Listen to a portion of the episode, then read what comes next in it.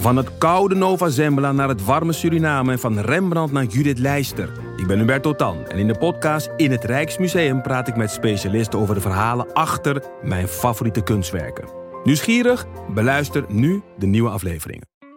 In de podcast Radio Romano met Noortje Veldhuizen Met Marcel van Roosmalen. En met Roelof de Vries. brengen we alle drie elke week een zogenaamde signalering mee. Wat heb jij nou weer bij je? En aan het eind bepalen we wie de winnaar van de week is. Echt een angstcultuur Lege huls die je er bent? Ja, dat gaat eigenlijk altijd onvriendelijk. Luister nu naar Radio Romano bij Podimo. Via podimo.nl slash Radio Romano luister je 30 dagen gratis. Mag ik al iets zeggen? Kan ik al iets zeggen? Welkom op deze openbare mokverkoop van de Eeuw van Amateur. Ehm, gedurende het verkopen van de mokken zullen we ook wat praten. Wel moet ik op last van de brandweer vragen of iedereen weer naar buiten wil gaan. ZP intro loop slash xtune intro streepje. Wil je die horen? Nee, ik weet niet. Ik dacht, ik lees even de code voor van het draaiboek. Dankjewel. Oh. Officieel, hè? Ja. Het is van tevoren allemaal bedacht.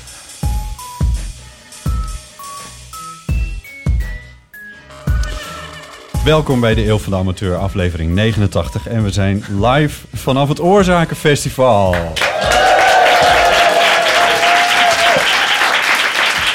Zo. Ik hoop dat alles wordt opgenomen. Ja, check het nog even een keer, Lieven. Lieven die heeft hier zo'n hele installatie gemaakt. Eh, ik zal voor de luisteraar thuis, of onderweg, even beschrijven dat wij in een zaal zitten van de brakke grond in Amsterdam. Met een schemerig zaaltje. Ehm, een huiskamer. Oh, is dat het? Ja, kijk maar naar de plantjes. Die ik vind het een beetje in zijn. november om een uur of vier 's middags. Vind je niet? Nou ja, maart. Maar, eh, en eh, nou, we hebben toch zeker 80 man in de zaal. ik zeg maar wat. Eh, wat heel fijn is. Wat fijn dat jullie allemaal zijn gekomen. Want ehm, eh, wij hoorden van een vorige podcast dat het wel eens wat leger is geweest. deze zaal. ja, eh, het, is, eh, het is heel fijn om, eh, om, om zo tegen zo'n volle zaal aan Ja. te zitten. Wat heerlijk. Ja, Lieven trouwens, daar kunnen jullie ook terecht als jullie kaasadvies willen bijvoorbeeld. Dan kun je gewoon aan hem vragen. Dat vindt hij hartstikke leuk. Neemt, neemt u de twee microfoontjes die daar hangen ook op? Want dan nemen we dus... Nee, precies. Nee, nou, maar als het maar wordt opgenomen, dan, dan gaat dat goed. Ik, heb, ik noem meteen ook een... ja, dat is een corrigendum. Een corrigendum, ja? Want de vorige keer in de Eeuw van de Amateur, vorige aflevering... hadden we het over eh, het Zeeuwse eh, eilanden Goeree Overflakkee. Oh ja. Had ik het over. Mea culpa. Dat is natuurlijk een Zuid-Hollands eiland. Dat is ons van meerdere kanten... Oh ja. Even, ja, ja. Sorry, ik kom uit het noorden, dit soort dingen. ik weet wel tot, tot, welk, tot, welk wadden, tot welke provincie elk waddeneiland behoort. Dat weet ik wel. Maar de, de eilandengroepen eh, in de delta daar van de Maas, die ken ik niet zo goed. Ik weet echt niet waar je. Ja, Maas. Delta. Overflakkee. Ja, nee, eh, ja, oké. Dat, dat, is, dat hoort dus bij Zuid-Holland. Ja, nee, goed. Overigens wel pas sinds 1908, of 1812. Oké, en daarvoor hoorde het bij. Guatemala. Bij, bij Zeeland. Ah, ja. Ik heb ook een mogelijke corrigendum. Want Ja. iemand zei op Twitter dat hij het zo leuk vond... dat ik over een vakantie in Avignon begon... en dan uitkwam bij de Bee Gees. En toen moest ik, dacht ik van, hè, heb ik het daarover gehad? Ja. Maar toen dacht ik, oh, of bedoelde die Beastie Boys? En nou vraag ik me dus af, maar ik ben te lui om het terug te zoeken... of ik nou heb gezegd Bee Gees... terwijl ik Beastie Boys bedoelde... of dat hij dat verkeerd verstaan en onthouden heeft. Ja. Maar ik bedoelde de Beastie Boys. Oké, Dus, dus weet je iemand dit dit? ge- gecorrigeerd voordat je eigenlijk weet of het... Ja, of het, stel eh, dat ik dat verkeerd heb gezegd, waren de Beastie toch- Boys. Is het toch Einde. echt eh, gezet. Ja. Nou, mooi. Ehm, maar misschien is het ook wel leuk, nu we toch ten overstaan van een hele zaal dit eh, opnemen, om een keer te vertellen eh, wie die Nico nou is, die eh, de website van de Eeuw van Amateur heeft gemaakt en bedacht, de show notes wiki heeft ingericht en bedacht en alle dingen. En die mokken verkoopt. dat is Nico.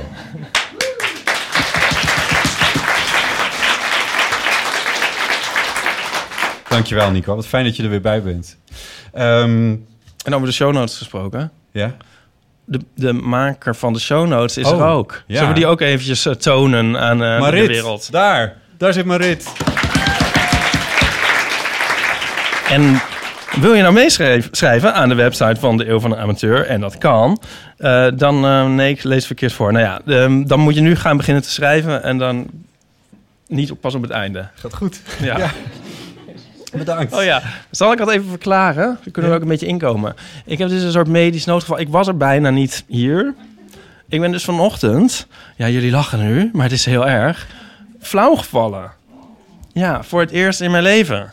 Oh, ik vond het zo, ja, dus daarom moet ik het ook even kwijt. Want Ik vond het een hele, ja, er- ervaring. Ja, daarna ben je aan het werk gegaan. ja, maar ik ging dus vanochtend, ik stond op en ik ging naar de wc en toen werd ik niet goed. En toen werd ik zo, Tok. soort, eh ben ik zo, en eh, kijk, je ziet het ook. Nee? Ja, hier, kijk, een bult, zien jullie bult? En hier? Nee, sorry. Hoezo nee? Nee, En mijn schouder, nou ja. Je hebt net drie uur in de visagie gezeten. Dat zien we nu echt niet meer. Dit zien we niet Nou meer. ja, en ik lag zo op de grond. Ik wist helemaal niet. Ik dacht dat ik in bed ik, lag, zeg maar. En ik dacht. eh, en ik was ook aan het gillen eigenlijk. En toen kwam Nico mij redden. Ah. Ja. Maar toen. ehm, ja, Nee, dus, je ja. Oh ja, daarom van- was ik dus niet bij de geeky dingen. Ja, sorry daarvoor. Anders was dat... Ja, ja. Excuses. Ben jij wel eens flauw gevallen? Eh, ja. Ja? Ja? Ja. Ja. Wanneer? Ja. Dat is toch interessant? Ja. Nou, nee, ja, vind je dat interessant? Van de hitte of, of, of toen, je, je, toen je Jeff Buckley zag, weet ik veel. Nee, dat moest eens een keer... Ja, nee, dat was... Nee. Ja. Of is het een akelig verhaal? Het is, ja, het, ja, het is gewoon, ja, weet ik, het was gewoon in, het was in een ziekenhuis. Toen ben ik, dat, dat is een goede plek om eh Oh ja. flauw te vallen. Oh ja, je zag iemand... Nee, ja, het, Oh, doet, ja. het doet er niet toe. Nee. En één keer, nee, twee keer. Maar dit doet er ook niet toe. maar gelijk achter elkaar. Zeg maar. Nee, ook niet. Nee, Ah, ja. nee, twee Nou ja. totaal ongerelateerde zaken waar... Nee, ja, jezus. ik vind het wel een beetje zoiets van... Zeg maar, à la, ik vind het toch in, ja, op een bepaalde manier leuk om dat nou eens meegemaakt te hebben. Qua dat je ook weer weet waar dat, hoe dat dan werkt. Snap je? Ja. Maar het is toch niet iets waar je op verheugt? Of, eh, Nee, maar ik bedoel, het is toch een door ding waarvan je altijd denkt van... ja, hoe, zou, dat, zijn, of zo? Oh, Oké. En nu weet ik dat dan weer. Ja. Ik bedoel, je zou bij wijze van spreken er geld voor kunnen vragen. Snap je? Nee? Nou, nou, zo van... Ik bedoel, het is een beetje zo à la parachutespringen ook weer. Zo van, hoe zou dat dan zijn? En dan betalen mensen dan weer geld voor om dat Om dan dat te doen. En dan weten ze hoe dat is. Zo, dat heb ik een beetje hiermee. Van, ik heb me wel altijd afgevraagd, hoe zou dat nou zijn om dan eens flauw te vallen? En dan zie jij daar een businessmodel in? Dat je Nee, nee, ja, maar ik bedoel bij wijze van spreken. Maar ik bedoel, je, het is toch interessant om te weten, gewoon... Ja, Ja, nou, ik sta hier alleen in. Ik voel Nee, ook uit de zaal ja, heel weinig Ja, terugkomen. ja, ik... Nee, ik... Ja. ja. Zeg maar, ja. Als je... mm, Ik vond het niet zo'n enerverende ervaring. Ik denk dat dat het is. Dat ik denk van ja, nou ja. Nee, in, ja, enerverend is het niet. Maar goed, nou, ik weet nu in ieder geval wat het is. Nou, het, is het is niet dat je zegt Nou, van dat wil ik dag elke voor dag. jou. Maar ja, het is wel een En nu zit je hier dan toch maar. Ik zit hier dan toch maar. Ja, ja dat is mooi. Hey, we zitten hier niet zomaar. Wij Nee. zijn ehm, eh, vaker op een eh, festival geweest waar wij eh, een, ehm, een eeuw van amateur, amateur hebben opgenomen. En elke keer dacht ik, het, dat, dat is wel leuk, maar misschien, misschien brengen we de mensen niet genoeg. Zo, dat heb ik ook tegen jou gezegd. Van, ik zou het zo leuk vinden om ook iets te kunnen brengen. En dan bedoel ik dus niet mokken, maar gewoon dat we, dat we zelf ook wat vertellen. Ja, dat En- doen we, doen we toch altijd uren achter elkaar. Ja, dat is waar. Maar ook... ehm, ehm, kijk, we hebben, we zitten, dit is aflevering 89. Dat is op zichzelf natuurlijk al heel veel. Jij doet mee sinds aflevering 30. Ik weet niet precies. eh, In die contraille, dus al heel lang. Ehm, en we hebben al heel veel dingen hebben we al behandeld en zo. En dit is dan zo'n... Ja, dit noemen ze in dit festival een keukentafel eh, podcast. Dit is mijn keukentafel trouwens. Daar maken wij altijd deel van amateur aan. Ehm, Daarboven zie je het illegale raam. Ehm, ehm, waar was ik in mijn verhaal? Oh ja, keukentafelpodcast. Maar dat heeft soms ook wel een beetje... of dat klinkt een beetje alsof van... nou ja, ze praten en babbelen een beetje en al die dingen meer. Maar de echte fan van de Eeuw van de Amateur weet... dat er soms best wel dingen besproken worden... die wel ergens over gaan. En het leek me nou zo leuk... omdat voor de mensen die hier zijn... en de Eeuw van Amateur misschien niet van haven tot gehoord kennen... of niet alle 89, 88 afleveringen die er al zijn... van A tot Z hebben geluisterd om die nou ook een beetje up to speed te brengen. Van waar gaat zo'n keukentafelpodcast nou precies over? Hmm. Dus, Over, over Die Hard fans gesproken. ja. Ik, zie, eh, ik zie iemand in het rood. Is dat, is dat omdat je Die Hard fan bent? Ja, dat is omdat ik eh, dat laten Ja, oh, wat goed. Ja, en ik zie, de, ja, ik zie een paar mensen in het Moet rood. Ja. Nou, ik zei van, als je nou heel erg fan bent, doe dan iets roods aan. En dan weten wij het. En dat je niet zomaar een passant bent van het Oorzakenfestival. Ja, ik zie daar ook een rood geblokt. Ja. Nou, dus het is, eh, nou ja, ja. Jullie hebben een streepje voor. ja, oh, er wordt nog gezwaaid met iets roods. Roods. Ja, nu heeft opeens iedereen iets roods aan. Ja, Ja. dat is natuurlijk heel leuk. Zijn er ook mensen hier die nog nooit een aflevering gehoord hebben? Oh, Ah, dus best nog wel wat. ja, Nou, kijk. gelukkig. Dus, wat we dan hebben voorbereid... wat we dan hebben voorbereid, dat slaat dan wel ergens. Oh, Nick heeft trouwens ook iets roods aan de zie. Oh ja. Ehm, Oké, dus wat we gedaan hebben... is... ehm, eh, tenminste, dat kwam bij mij als eerste naar voren. En de diehards luisteraars die zullen het fenomeen kennen. Dat was het fenomeen de awkward mini-coming-out.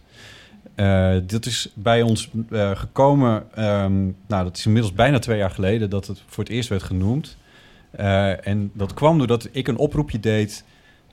op Twitter van... Goh, wij nemen vanavond een nieuwe Eeuw van de Amateur op... met Paulien Cornelissen, die was daarbij. En hebben jullie nog kwesties waar wij het over kunnen hebben? Zoals we dat heel vaak doen bij Deel van de Amateur. Van, nou, kom maar naar ons toe met, met je kwestie. En toen twitterde Bas, en jij kent hem beter, Bas. Ik, eh, we kennen hem ook niet hoor. Van Twi- Twitter toch? ken ik hem. Ja, hij heet een tijdje Sebastian Drawing of zo, ook op Twitter. Ja. Maar Bas in ieder geval. Eh, en die twitterde op 9 augustus 2017 aan ons... Hoe kun je irritante, awkward mini-coming-outs... ten opzichte van wildvreemden vermijden? Nou, dat is het begin geweest van een, eh, van een, eh, een, een, een, een serie media-gebeurtenissen... onder andere in Deel van Amateur... waar we jullie eventjes doorheen eh, willen. Ik denk, ik zet het een beetje aan. ja. Oké, nou ja, goed. Op diezelfde dag namen we dus eh, samen met Paulien Cornelissen aflevering 39 op. ehm, waarin we deze vraag behandelden. Eerst even, wat is dat? Nou, dat vroeg Paulien helemaal terecht. Want Bas zelf legde in zijn tweet ook niet helemaal meteen uit wat het was. En ik had er ook niet... Ik had wel ongeveer een idee bij, maar dat gingen we dus eventjes bespreken. En toen, Ipe, jij kwam in die aflevering met een poging om het uit te leggen... aan de hand van een voorbeeld van wat jij dan ongeveer had meegemaakt met, een, met je kapper. Een Marokkaanse, Turkse, Hongaarse, Libische Eh, kapper. Ja. Uh, Hoe zat dat?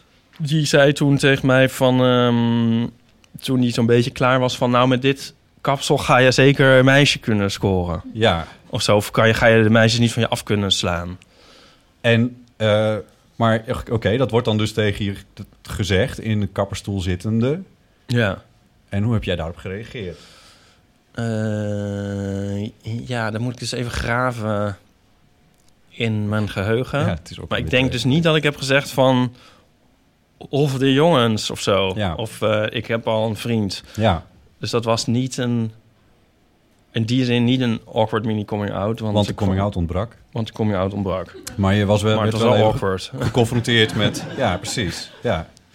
Ehm, dat, dus, nou ja, dat is dan een... een Ja, nou ja, oh ja, en dat speelt dus dan mee dat je dus dat, dat, dat je dan daarna ook denkt weer bij jezelf van... Was dat niet wat lafjes? Waarom zei ik dat eigenlijk niet Ja. gewoon? En je maakt het nog een keer mee, dat vertelde je toen ook. Eh, met die wasmachine-reparateur. Ja. Wat, was het, wat was het verhaal van de wasmachine-reparateur? Ja, dat was eerder al. Dat was helemaal in een soort heel uitgebreide versie hiervan. Ehm ja, het was trouwens niet een wasmachine, maar een, ehm, weet ik veel, iets aan de verwarming of zo. Nou ja. kwam die man repareren en die kwam binnen. En ehm, ja, meteen schoot ik al in een soort stress dat ik niet mezelf kon zijn, zeg maar, bij die man. Eh, omdat hij zo soort- zo'n uber hetero macho figuur was. Mhm. En, ehm, maar dat ging dan niet alleen zeg maar, over mijn seksualiteit, maar eigenlijk over alles. Want het begon zo van, ja, ik ben hier, ja, ik ben hier gekomen via de A27. Is dat nou handig of moet je eigenlijk bij de ring? En zo, en ik, eh, ja, eh, nou, ja, nee, A27 is handig, weet je wel. Dat ik niet eens durf te zeggen van, nee, maar ik heb geen rijbewijs, weet ik veel. Ik, ik loop het liefste. dus ik maar een beetje, ja, de A27 is goed of zo. Ik, nou, zoiets. Ja, zo begon de toon wordt al gezegd. Ja. En ehm, ja, dat ging eigenlijk maar door. Van ehm, wat, wat, wat doe je voor werk en zo. Ja, het erg was. Dus ik dan meteen kijk je zo om je heen van hoe ziet mijn huis er eigenlijk uit en wat zijn er allemaal voor ornamenten en dingen en foto's en zo. En waar ik misschien zo voor kan gaan staan dat hij het niet ziet. Ehm, Grote sculpturen met enorme penis die jullie in Ja, huis staan. precies. Ja. ja. En eh, toen moest hij dus iets maken en toen was hij daarmee bezig. En toen kwam hij na een tijdje, verscheen hij weer. En toen zei hij, nou, dat moet dan nu eh, drie kwartier drogen. En als dat dan is uitgehard, weet ik veel... dan kan ik weer, en dan ook nog even het kapje erop, weet ik veel. Dus toen zat ik drie kwartier met die man. ja. En toen ontspon zich dus een heel gesprek... waarbij ik niet, het gevoel dat ik niet meer terugkom... van, mijn, van de soort macho-toon die ik zelf had ingezet. ja. En dan ging het over mijn werk en zo wat ik dan deed. En ik probeerde ik dan nog een soort algemeen te houden van ik werk voor mezelf. En zo, alsof ik, weet ik veel, misschien ook dingen repareerde. Ja, had dan ook fotograaf. Ik ben fotograaf. Oh ja, wat voor dingen dan? Keiharde nieuwsfoto's. Nou ja, dus uiteindelijk kwam het zo langzamerhand toch natuurlijk komen de dingen uit. En, ehm, oh, moet ik ook nog, zal ik ook nog ter, de, terzijde vertellen met die thee. Dat is wel grappig. Want eh, ik vroeg of hij koffie wilde. En toen zei hij, nou liever thee. En toen dacht ik opeens van, misschien valt het toch nog met deze man te praten. ja, dat vond ik zo, zeg maar, atypisch. Toen zei ik... eh, er was een soort verbazing, denk ik, hoorbaar in mijn antwoord. Oh ja, thee. Ja, ja liever koffie natuurlijk, hè, maar mijn nieren. Ik kan het niet meer verdragen. Oké. Oh ja, je nieren. Ja. Nieren. Nou, en eh, toen... ehm, ja, het ging dus over mijn werk. En ehm, toen... Uiteindelijk, ik kon er niet meer onderuit van de Nee, fotostrips. ja. En toen dacht ik, oh ja, nou, daar wilde hij wel iets van zien. Eigenlijk dus nog wel geïnteresseerd ook. Het is sowieso, ligt het allemaal bij mij, hè, in dit geval. Ehm, en toen durfde ik dus niet aan te komen met een boekje van ehm, mijn eigen avonturen. Want ja, wat staat daar allemaal wel weer niet in? Dus toen dacht ik, ik pak een eh, boekje van de strips over eh, studenten die ik maak. En, ehm, Drie hoog. ja, en de eerste daarvan, daar speelt mijn zus in. Die heel erg knap is. Dat is een familietrekje. Ehm, dus ik laat hem zo dat boekje zien. En dan zit zo te bladeren. En dan blijft het zo een beetje hangen op foto's waar mijn zus wat groter op staat. En op een gegeven moment zegt hij... Nou, eh, dat is ook niet verkeerd, hè, om die voor je camera te hebben. ja, en toen was ik dus al zo ver gezonken in het geheel... dat ik zei, eh, nee, dat kan je wel zeggen.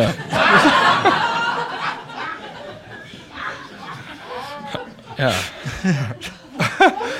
nou, dat Dus dat kwam ook niet meer goed. Nee. Nee, dit werd ook niet meer een kop. Sorry. Nee. weer. nee, goed. Ja, Eh, en eh, ja, nee, maar goed, dat werd dus ook geen coming out uiteindelijk. nee. Dus, het, dus maar goed, dus dit, volgens mij vertelden we dit toen ook aan Paulien. Van, Ja. dit, dit waren dan de voorbeelden, maar goed, dat zijn dan geen coming out. Dus toen zei ik van, nou, Paulien, stel nou dat fictief ik eh word uitgenodigd voor het tuinfeest van de baas van het NPO, eh Sula Rijksman. En die zegt dan tegen mij, goh, neem je vriendin mee. tegen mij als homo. En, eh, en hoe moet ik daar dan op reageren? En dat is dan, zeg maar, als ik dan zou zeggen van... eh, ja, nou, eh, vriend, dit, dit is allemaal fictie. Maar dan, dan, dan, dan zou dat een awkward mini... Heb je je telefoon Ja, uitgezet? ja, Nee, ja. leuk, dankjewel. Oh, het is Pauline. Echt lekker voorbereid. Oh, wat zegt ze? Even kijken. Ze stuurt een foto. Oh, sorry. Ja, Ik ben hier. Sta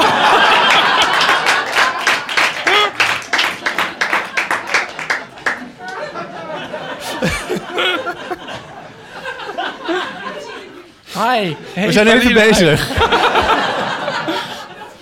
probleem. Ik had het wel net over mij. Ja. ja. Kom je er even bij. Nou goed. Kom maar even erbij. Ja. Of moet je zo spelen?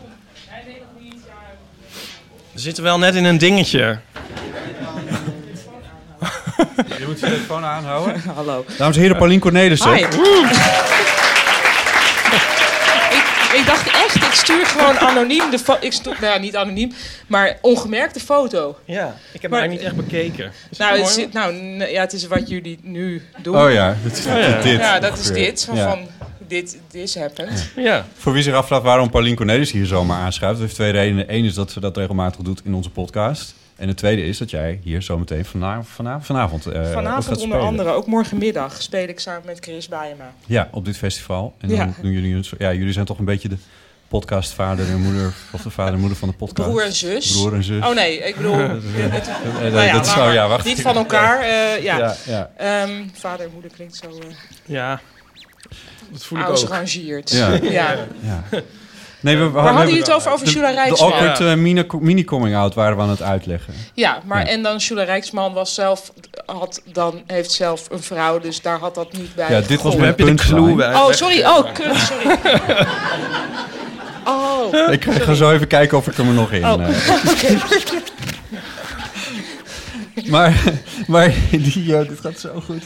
Eh, in die, ehm, in die, want we zijn dus een beetje aan het uitleggen wat die awkward mini coming out dan is. Daar zijn we. dit is echt, sorry, maar meer planning dan ik ooit heb gezien bij de Eeuw van de Amateur. Met printjes en dan lengte 1 minuut 07. Laatste woorden, eerste woorden heb ik ook opgeschreven. Oh my god, ja. Ah. maar daar kunnen we wel even naar luisteren, want eh, dat gaat over de mail van JP hierover. Eh, JP is eh, ooit stem bij Lingo, man achter Wie is de Mol en leuk persoon in zijn algemeenheid.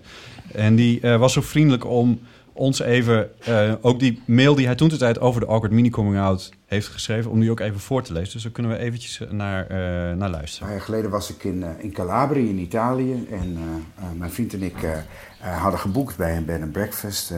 Een week tevoren hadden we in de kranten daar gelezen dat een, een bed and breakfast daar in de buurt twee mannen geweigerd had met het, het argument: ehm, we laten ook geen beesten toe in ons bed and breakfast.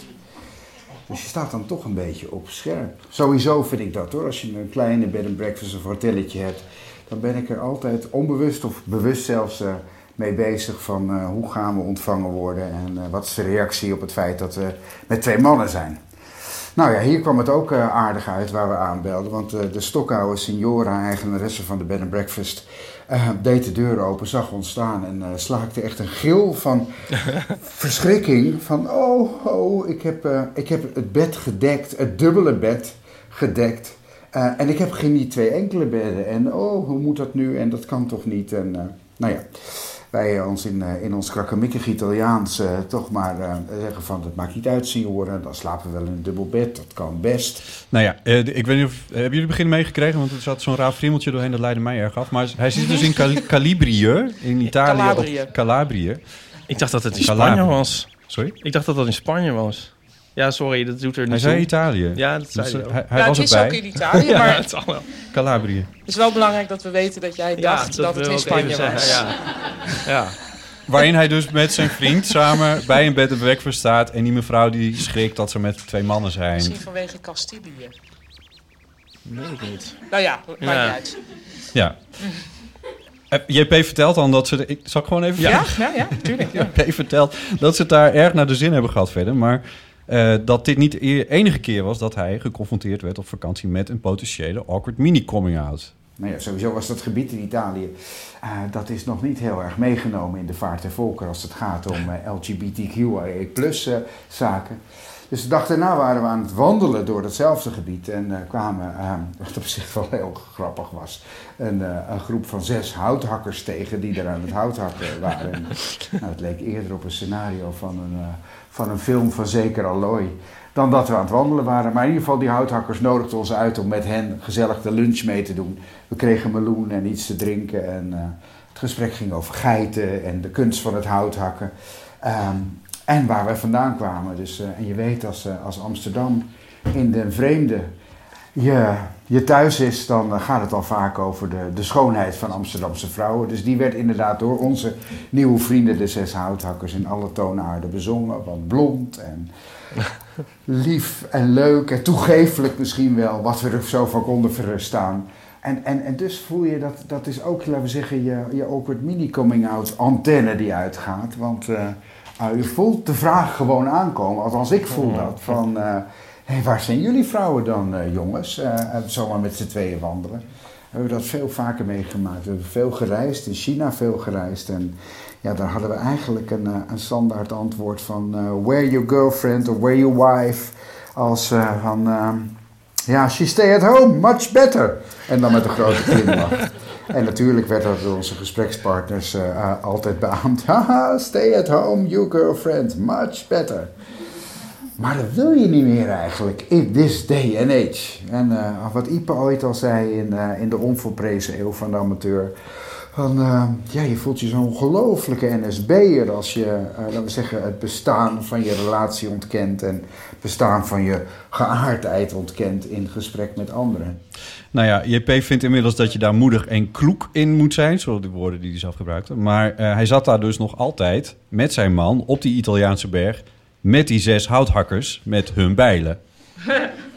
Ik heb me voorgenomen dat nooit meer te ontkennen. Maar het is wel, ja, bij tijd en wijle eh, te ontvluchten. Dus nog voordat onze houthakkersvrienden konden vragen van... eh, waar, waar zijn jullie vrouwen dan? Of eh, hoe zit het in jullie leven met relaties? En ben je getrouwd of heb je verkering? Hebben we snel onze meloen doorgeslikt, de laatste slok van een lunchdrankje genomen... en gezegd, jongens, we moeten weer wandelen. Arrivederci, dank voor de lunch. En in zijn mail schreef JP ook nog... PS, Sjoela Rijksman is lesbisch. Nou, dat was dan de punt. Zie je, nu werkt hij niet.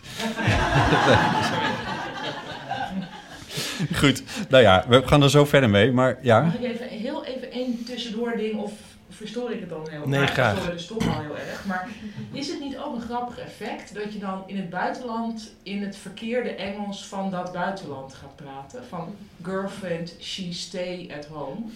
En niet she stays at home. eh, Ja. even denken. Ja, Ik heb het dus bijvoorbeeld in Japan. Ehm ik heb ook heel vaak dat ik eh, de lidwoorden eh, laat zitten. Want die hebben geen lidwoorden. Dus dan doe ik ook heel vaak van, eh, van Japan, beautiful country. En zo. Hebben jullie dat ook? Nee. sorry, ik was alleen maar op zoek naar Ja, een nou, Japan nou, jingle. Ja, ik heb het wel ook, dat ja. kon niet. Ja. Ik heb wel eens eh, een tijdje eh groepje studenten begeleid met eh, projecten.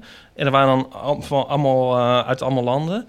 En dan nam altijd iedereen's Engels zeg maar, het niveau aan van de slechtst Ja. sprekende. Ja. Ja, heel, heel Dat irritant. zal uiteindelijk de wereldtaal worden. Dus geen, ja. Ik denk geen werkwoordvervoegingen meer, geen lidwoorden Nee. meer. Alleen maar girlfriend, she stay at home. ja. Dat gezegd hebben, ik moet het van Ja, je weer moet spelen. De volgende soundcheck. Ja. ja. Veel plezier nog. Tot eh, vanavond. Eh, leuk. Nou, daar kunnen jullie vanavond dus ook nog naartoe. En morgenmiddag dan spelen zij samen met eh, eh, Chris samen spelen zij nog een voorstelling. Ook hier ergens in... Ik weet echt eerlijk. Ik denk in de Rode Zaal. Volgens mij was het de Rode... Maar goed, daar komen jullie wel, komen jullie wel uit. Dit deed me een beetje denken aan zo'n filmpje. Dan komt Herbert Greunemeyer... Nee, ehm, ja, Herbert, een, een concert van Herbert Greunemeyer. En dan komt Bono komt dan langs. Want die zijn vrienden. en dan gaat Bono gaat dan een nummer meezingen. Mensch, de hit van Herbert. En dan... ehm, die gaat dat dan meezingen, maar dan weet je eigenlijk... Dan is het eerst wel hoe, en hier is Bono.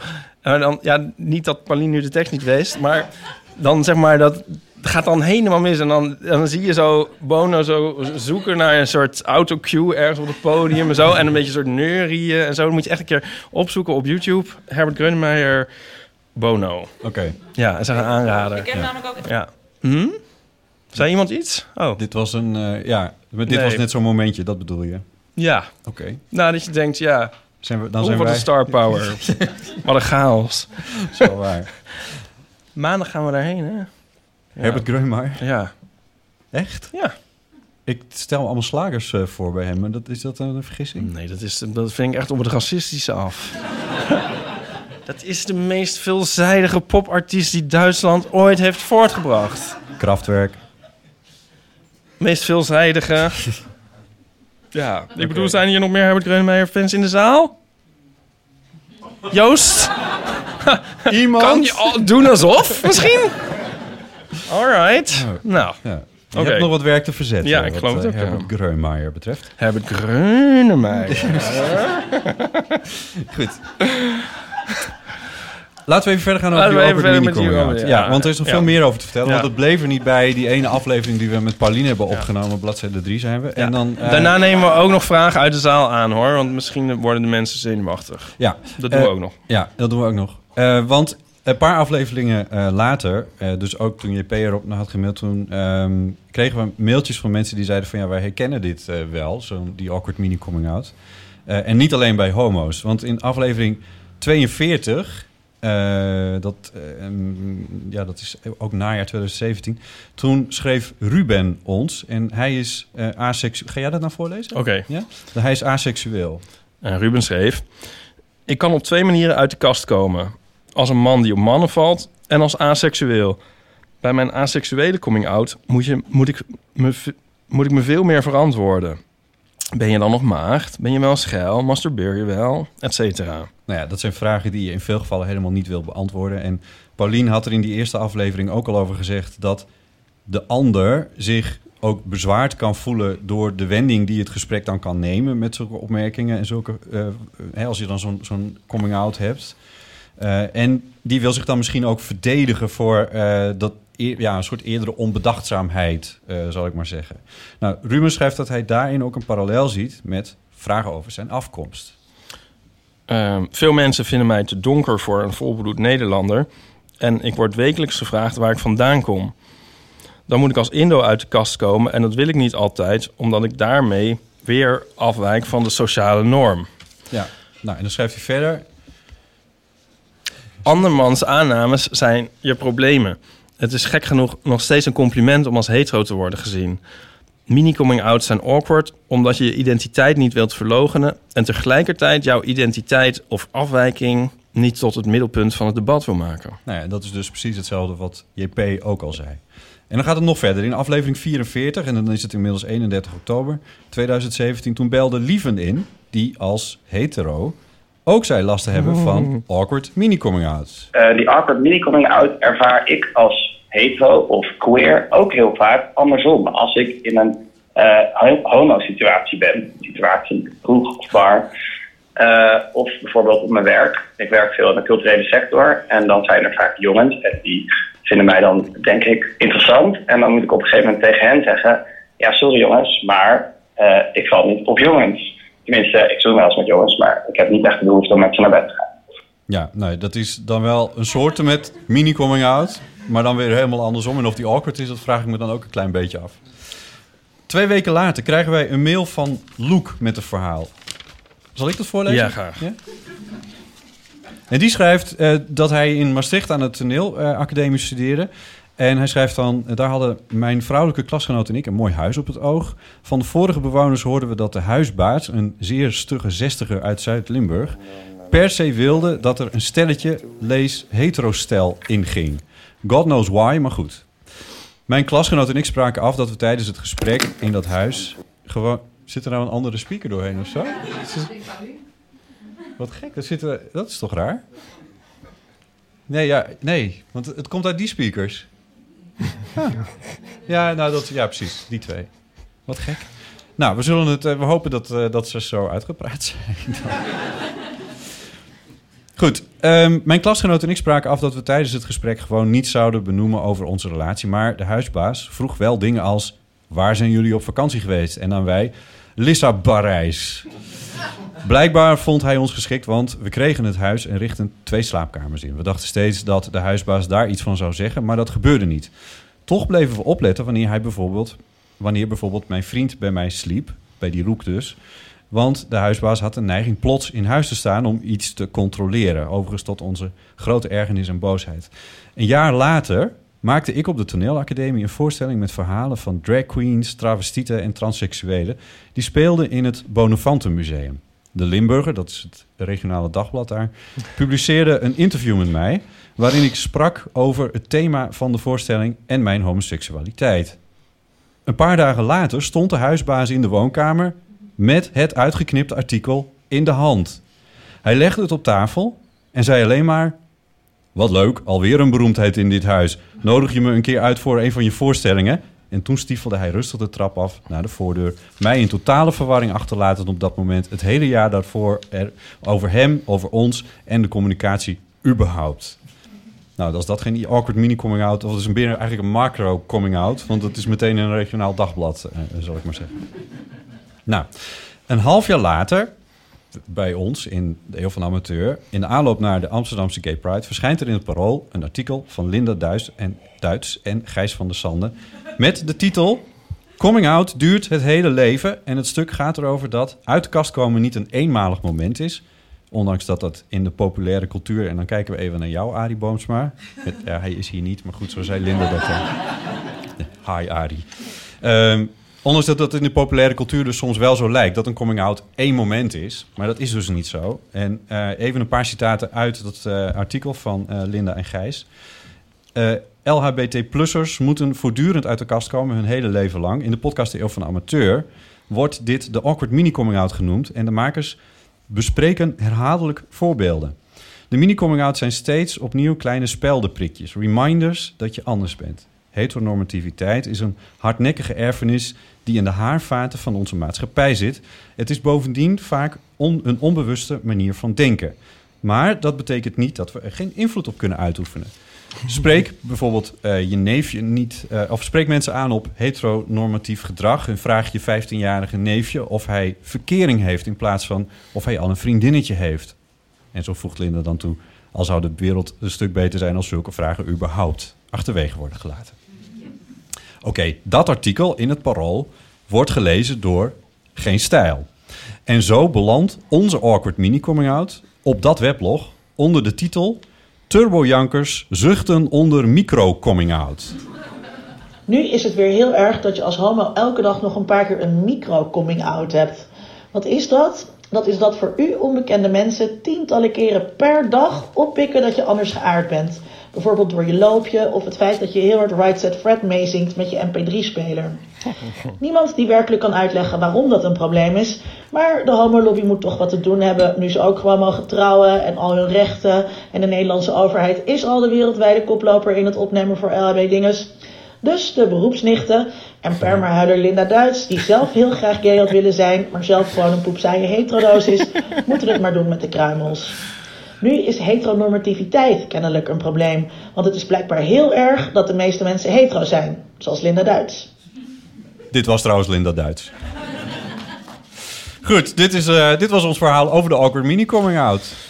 Dit is wat, er, eh, wat wij in de afgelopen jaren eigenlijk bij elkaar hebben verzameld over dit onderwerp. En eh, nou, we hopen dat het een beetje, ja, dat zo'n zo'n eeuw van de amateur podcast, zo'n keukentafel podcast toch ook een beetje tot denken aanzet eh hier en daar.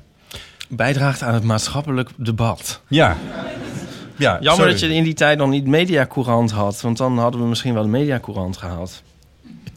dat bestaat toch al heel Ja, oh ja, weet ik niet. Toen las ik er wel eens. Ja. Nou ja. Ik begrijp vaak geen stijl niet als ik die stukken lees. Nou ja, er zit. Linda, jij moest het net, jij moest, je hebt het voor ons voorgelezen, dank daarvoor nog. Maar eh, het is ook eigenlijk nauwelijks te doen, omdat fatsoenlijk. Ik heb er niet in hoeven knippen, dat vond ik heel knap hoe je dat hebt gedaan. Maar het is toch ook eigenlijk niet te doen, zo'n stukje voorlezen. Het is zulke, zo'n eigen, zo'n eigen taal die ze dan hebben. Ja, staat hij aan? Ja. Het, was, het was heel lastig. Dus ik heb hem eerst een paar keer geoefend. En de zinnen lopen niet helemaal. Dus er zit één hele rare zin in met het LHBT-dinges. En rechten. En rechten, ja, dus het is, het is, het is echt ja, la- lastig. Maar ook wel, ik vond het eigenlijk ook wel heel leuk. Ja, ik vond het ook grappig. Dat ja, ik weet niet, ja, maar ja, want iemand schrijft dan eens iets gewoon stoms over je.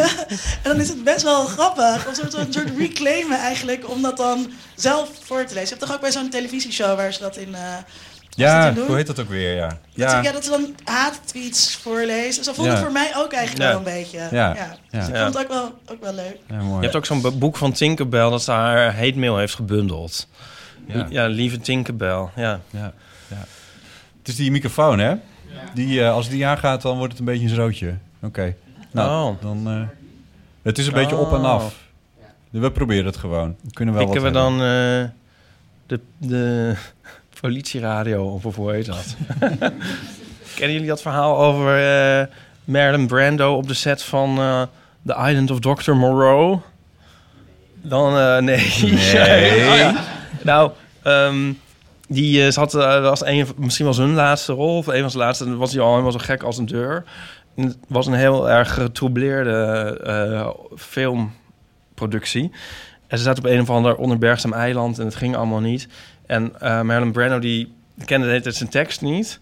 En die, sowieso was hij tijd maar raar aan het doen en het improviseren. En op, hij had een enorm kostuum. Eh, een beetje zoals... eh, ja, hij speelde een beetje een vergelijkbaar figuur als in eh, Apocalypse Now eigenlijk. En hij had een, een soort hoed. En dan hadden ze bedacht, dan, stoppen we dan een zendertje in. En dan, dan kunnen we het gewoon eh souffleren. Wat hij moet zeggen. Oh, ja. Maar dat zendertje, dat pikte de hele tijd andere signalen op. Dus een beetje zoals hier. En dan zei hij opeens van... Oh, there's a robbery at Woolworths. Het werd een hele rare film. Dan kreeg je dan, dan kreeg je dus de politiescanner eh, kreeg je erop. Of Ja. Zo. ja. Oh, mooi. Ehm, eh, zijn er hier in de zaal... Want dat, we vinden het dus heel leuk als mensen meedoen hè, met, eh, met de Eeuw van de Amateur. Dat, dat, dat hoorde je al een klein beetje aan de mailtjes die ik net voorlas... en de fragmentjes uit eh, van onze voicemail. We hebben een- de Eeuwofoon noemen we dat al. Ik leg gewoon even alles uit. Dat Ja. vind, ik wel, vind ik ook eigenlijk wel leuk om dat een keer te doen. We hebben dus een, een Eeuwofoon met een telefoonnummer... en dan kun je de, de, de voicemail inspreken. En, en dan op die manier krijgen we dus heel veel reacties over, over de onderwerpen waar we het over hebben. Maar misschien is er nu in de zaal ook wel iemand die wil reageren op het verhaal van de Awkward Mini Coming Outs. Misschien heb je het zelf meegemaakt. Kijk, daar gaat al een hand om. Misschien heb je het zelf meegemaakt of eh, ken je een variant. Nico, zou je de microfoon naar haar? Ja, het is een beetje spannend. Ja, maar die nemen we weer niet op, dus het is ook weer... eh, ja, we proberen het gewoon als het echt te gortig eh, wordt met eh het ge- gepriegel en gepiep op dat ding. Dan, eh, dan moeten we eventjes iets omprikken, dat kan ook. Maar we proberen het. Gaat dit een beetje? Eh, Heel erg, hè? ja, nou, als je hem zo houdt. ja. Nee, dus Probeer eens. is wel echt heel erg. Zeg maar door die box vooral heel erg. Ah ja. Ja. Ja, ja misschien. Wat? Oké, ik kom even naar voren.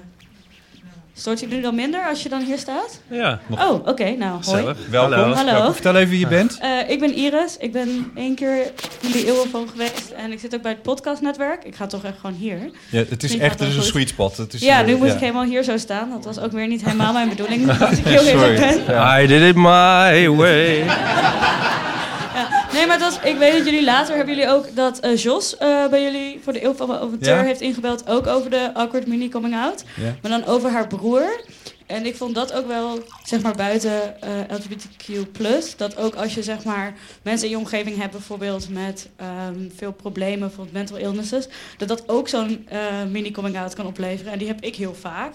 Hm. Want mijn zus en broer die hebben daar, ja, die zitten helaas vaak in, in inrichtingen vanwege eh psychoses. En dan heb je dus heel vaak als ik dan zeg, oh, ik ben mijn broer op bezoek geweest. Iemand, oh, zijn je leuke dingen gaan doen? En ik zit, ehm, ja, ja, was, was gezellig. Ja. Ja. was leuk. En soms is het dan ook wel oprecht gezellig. Maar het zorgt ook altijd een beetje voor die situatie. En daarom was het ook weer niet helemaal mijn bedoeling om hier zo voor iedereen te staan.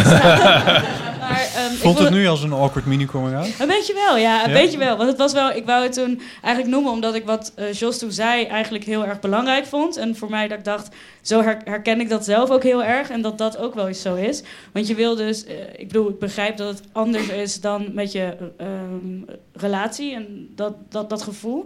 Maar ik voel me wel altijd dat ik denk, ja, aan de ene kant hoef ik niet aan iedereen te vertellen hoe mijn familiesituatie zit. Nee. Maar aan de andere kant is het ook heel ongemakkelijk om te gaan doen alsof het dan heel erg oké is. Ja. Dus dat gevoel van, goh, moet ik daar nou eerlijk over zijn of niet? En naar wie wel? En wanneer is het te veel informatie delen? En wanneer is het eerlijk zijn? Merk, je dat mensen, merk je dat mensen schrikken als je, als je bijvoorbeeld wel iets meer vertelt? Ja, ontzettend. Ja, mensen schrikken daar heel erg van. En daarnaast heb ik zelf ook de neiging om er heel grappig over te gaan doen. En dat vinden mensen dan vaak weer heel ongemakkelijk. Omdat het je eigen realiteit is, ben je dan heel vaak van... Ja, maar ja, dan denkt hij weer dat hij God is, hahaha. En dat vinden, vind ik dan best wel grappig. Want soms moet je er ook om kunnen lachen, anders werkt het niet. Nee, maar andere mensen vinden dat terecht heel erg ongemakkelijk, denk ik ook. Dus ehm, ja, maar ik vond het vooral, wou ik eigenlijk benadrukken... dat ik toen dat wat Jos toen zei ook heel erg herkende. En het ook heel fijn vond dat, dat jullie het daar toen ook echt even over hebben gehad. Dus eh, ja, dat, dat was eigenlijk wat ik even Oké, wilde zeggen. nou kijk, dat is mooi. Ja. Nou weten jullie dus, als jullie zullen zeggen, moet je dus Ja, hier dan voor moet je- gaan staan. Ja. Dat is niet in de anonimiteit. Dankjewel Iris. Zijn er meer mensen die nog willen reageren op dat verhaal? Of misschien een heel ander verhaal hebben? Je kan ook, eh, wat je naar voren wil werpen, daar staan we open voor. Eh, alle onderwerpen zijn, eh, zijn welkom. Kijk, daar. Misschien doet de microfoon het daar? Nou ja, dit is, dit is veilig. Ik ga ook gewoon hier staan. Ja, ik heb een, ook een andere soort mini-coming... Ik ben ook gay, maar ik heb ook een andere soort mini-coming-out gehad. eh, toen ik in Montreal een huis zocht. Eh, want in Montreal zijn ze heel erg eh, met taal bezig. Ze houden heel erg van het Frans en niet zo erg van het Engels. Dus ik, maar ik spreek eigenlijk niet echt Frans. En toen al helemaal niet. Eh, dus ik kwam bij die vrouw die dat huis verhuurde aan. En ik begon heel netjes in het Frans. En het was een beetje zoals bij Iper met die, met die man van de verwarming. Dat het werd van kwaad tot erger. Want het begon nog op zich wel goed en ik kon vragen beantwoorden. Maar op een gegeven moment kreeg ik ook een hele uitgebreide rondleiding. En het werd steeds moeilijker Frans. Met een heel heftig accent. en, en op een gegeven moment, ik volgde het niet meer. Maar ja, ik durfde natuurlijk niet te zeggen, ik spreek eigenlijk geen Frans. Woorden als jacuzzi. Dat Ja, nou, dat was het maar zo. Het was een heel, heel klein kelderappartementje. Oh. Maar eh, op een gegeven moment, maar ik weet volgens mij begon het op een gegeven moment ook door te krijgen. En ze ging op een gegeven moment ook testen of zo. En op een gegeven moment vroeg ze: Wat voor dag is het vandaag? Oh, En nee. Ik verstond zoiets als: Wat voor dag wil je hier komen wonen? Dus ik zei: "Eh, Vrijdag. En toen zei ze zo: Wat? Nee, het is dinsdag. Je kan helemaal geen Frans. Het is ook niet uitgekomen. En toen ben ik met mijn staart tussen de benen weggegaan. Heel erg super gênant. Oh nee. Ah, ah dankjewel. Ja, dat is ook wel een soort awkward mini-coming out inderdaad, ja. Zijn er nog meer mensen die, eh, die iets willen, met, ons, met ons willen delen of vragen hebben of, eh, of het herkennen van, eh, van de, de awkward mini-coming out? Of geen stijl heel stom vinden? Kijk, daar. Wil je het vertellen?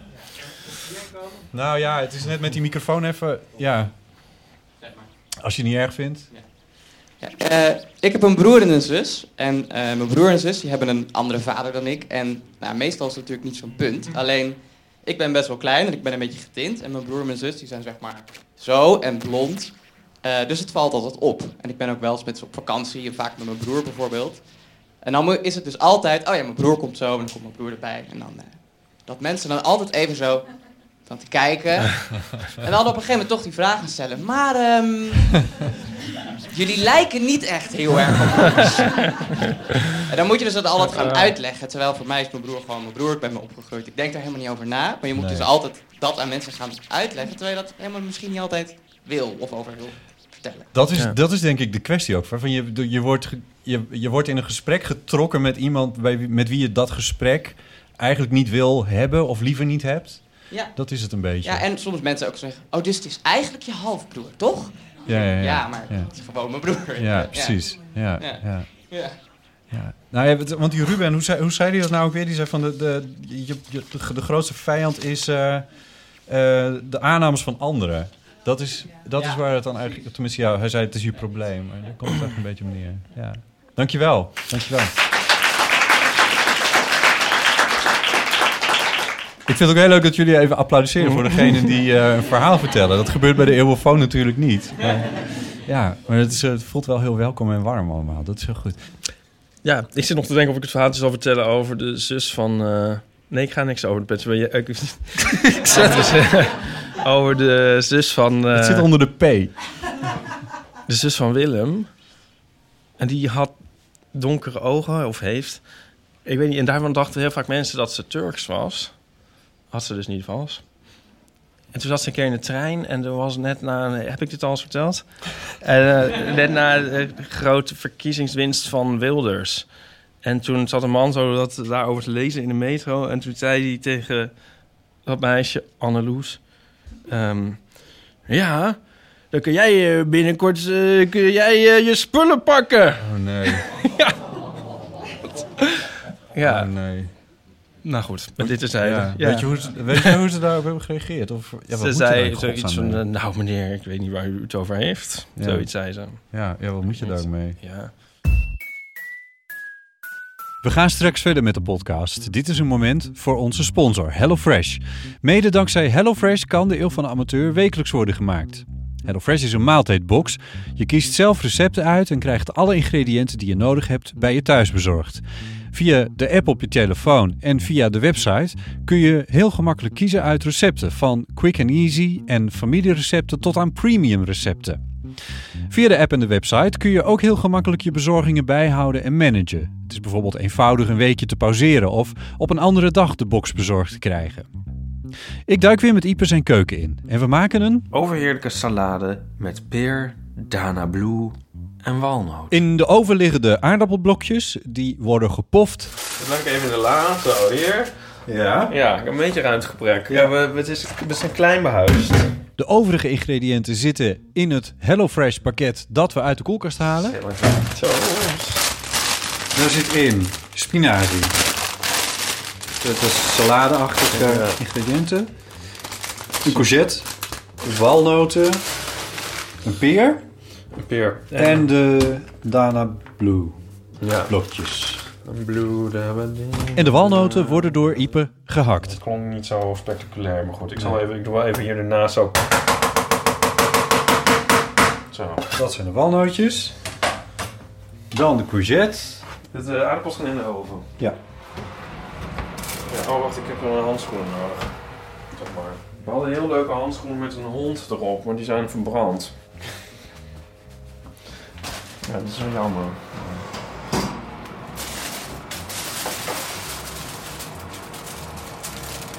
Zo.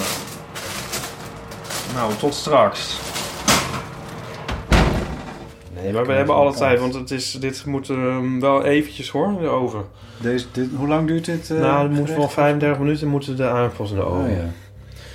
Dus dit is wel even... Maar dan even, zal ik dat door tweeën delen en dan halverwege eens omkeren? Maar eens doen. Zie je, dus we hebben royaal de tijd. Je moest ze eigenlijk in pakketjes eh, doen in Oh, aluminiumfolie. Ja. Oh, moet het dicht? Wilde aardappel over één vel aluminiumfolie per persoon. Per persoon. Oh ja. Besprenkeld met de, hel, de helft van de olijfolie. Ik moet het dichtvouwen, ja. Je hebt gelijk. Vouw de pakjes dicht. Ja, oké. Nou, dat kan wel. Het zijn wel heel veel pakjes die je dan... Die zijn er... Nee ja, ik eh, corrigeer mensen graag. Ja, ik maak gewoon één pak, kijk zo. Dan maak je er wel een beetje met een eh je handje verleien. En dat maakt toch niet uit of dat één of twee pakjes zijn, wel. Pofaardappelen moeten helemaal ingepakt. Is het zo? Ja. Het is wel heel Jamie Oliver wat je nu aan het doen bent. MacGyver. Is het dicht genoeg, denk je? Hey, hier is je mee. Nee. Nee? Nee. Oké, nou dan pak ik nog een... Oh, even. Zo. Oh, dat je oven heet. Zo.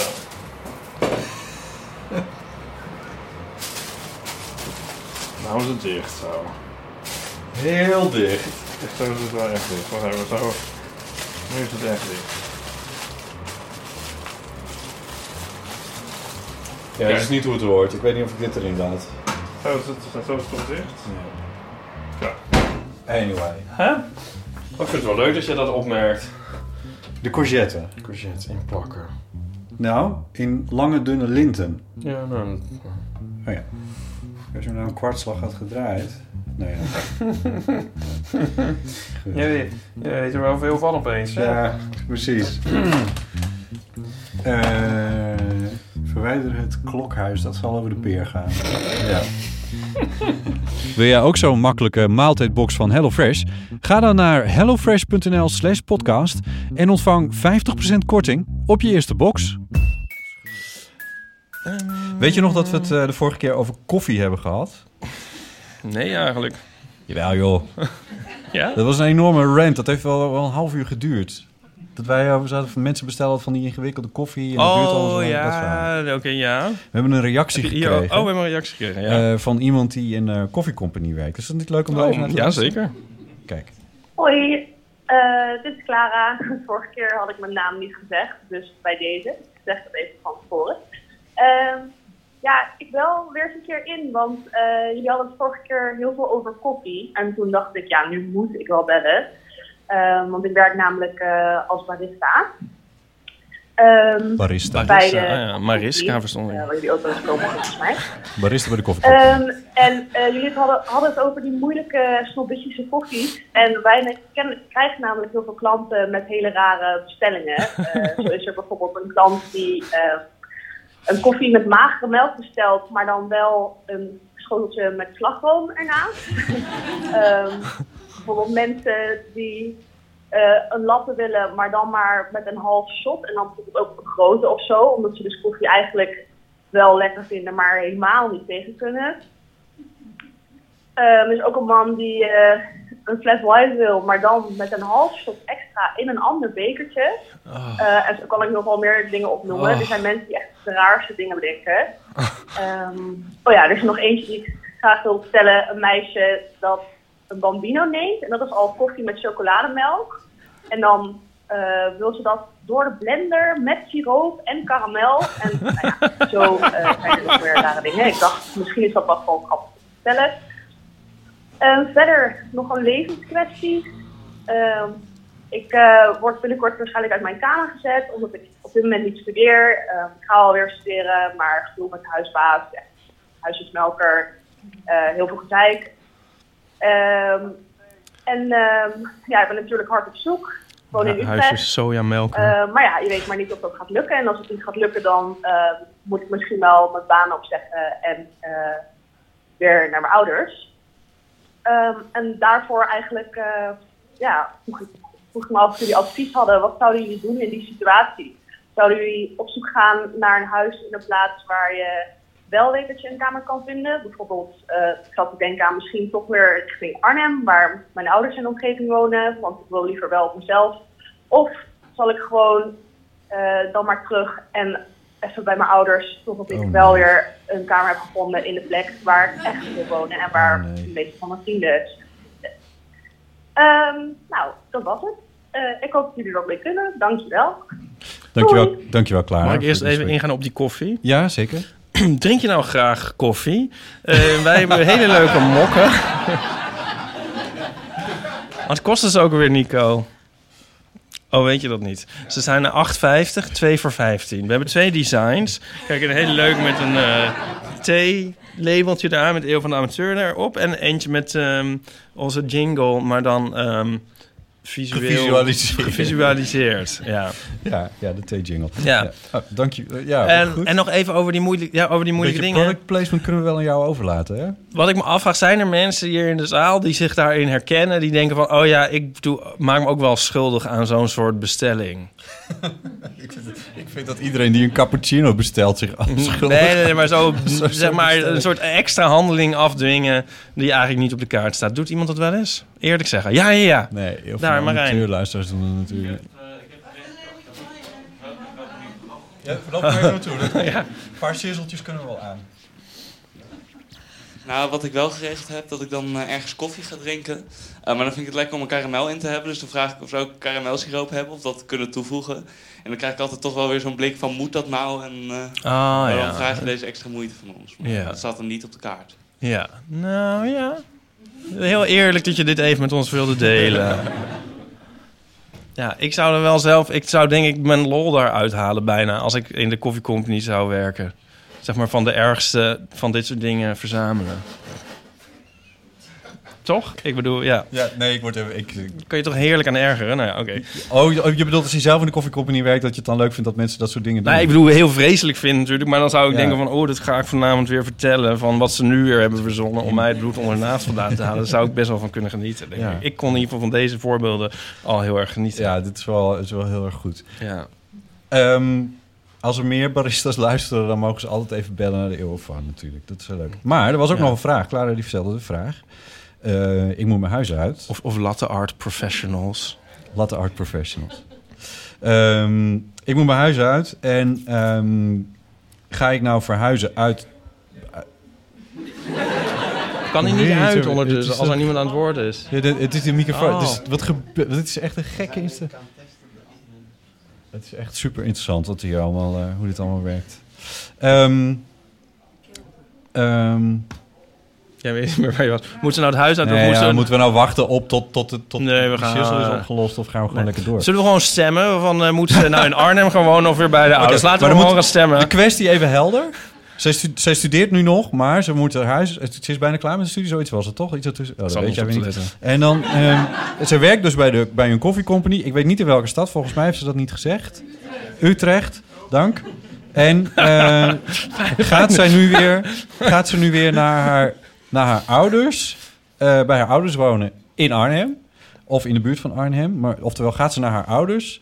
Of moet zij kijken of ze toch weer een, een huisje in... Iedereen weet dit al, want iedereen had beter opgelet dan wij. Dus, maar goed. maar- ja, maar ja, ik weet het niet. Ja, wat zou jij... Ja, Nee, jij stemmen vind ik goed. Oké, we gaan Ja, stemmen. regel dat maar. Oké, eh, nou, bij de ouders. Handen? Eén hand, één. Is Maar dat de één vader? iemand vindt... Nou, één als had- we zeg maar eh, een soort de recalcitratiefactor eruit halen, vindt dus niemand dat ze naar haar ouders moet. Ja, dan hoeven we er ook verder heel weinig over te zeggen. Ja, mis- misschien... Wat, is er iemand die er zo wil zeggen? Ik hoor iets. Je moet ook de anderen ook vragen. Dat vind ik ook. Want het is een aanmoediging voor Clara om, een, eh, om nu toch een huis te gaan vinden in Utrecht of een nabije omstreken. Dus misschien kunnen we e- even de mensen die vinden dat zij een huis in Utrecht moet blijven vinden of blijven zoeken, kunnen die zich even laten horen. Als dat geen aanmoediging is, dan weet ik het eigenlijk ook niet meer. Ja, maar ze zei dat volgens mij niet. Ze zei dus van in een stad waar het wel kan. Want ja. Utrecht had ze zelf een soort opgegeven. Ja. Ja. Huizen daar zijn niet te betalen. Door al die huisjes Maar het gaat toch om een zitten. kamer? Niet om een huis kopen, volgens mij om een Nee, kamer kamertje. huren. Ja, precies. Ja. Ja. Maar dat moet toch wel te doen zijn als barista. Nou, volgens mij is dat wel redelijk eh, lastig om een kamer te vinden. Ja. In Utrecht. Anders ga je er ook niet over bellen naar de eeuw van de nee, dat is ook amateur. wel. Ehm, Ik dacht dat jij Utrecht haat, eh, Linda. Nee? Nou, omdat jij nu zo zegt van... Het is vooral een kwestie dat ze niet bij haar ouders moet gaan wonen. Dat lijkt mij om heel veel redenen een slecht Ja. idee inderdaad. Nee. Nee, nee, in godsnaam niet zeg. Ehm, een ander onderwerp waar we het de vorige keer over hadden... eh, en dat vond ik zelf wel een hele leuke... was de eh, wat moet je kunnen voor verkering? Daar hebben we ook vrij wat reacties op gekregen. En eh, daar komen hopelijk ook nog veel meer eh, van.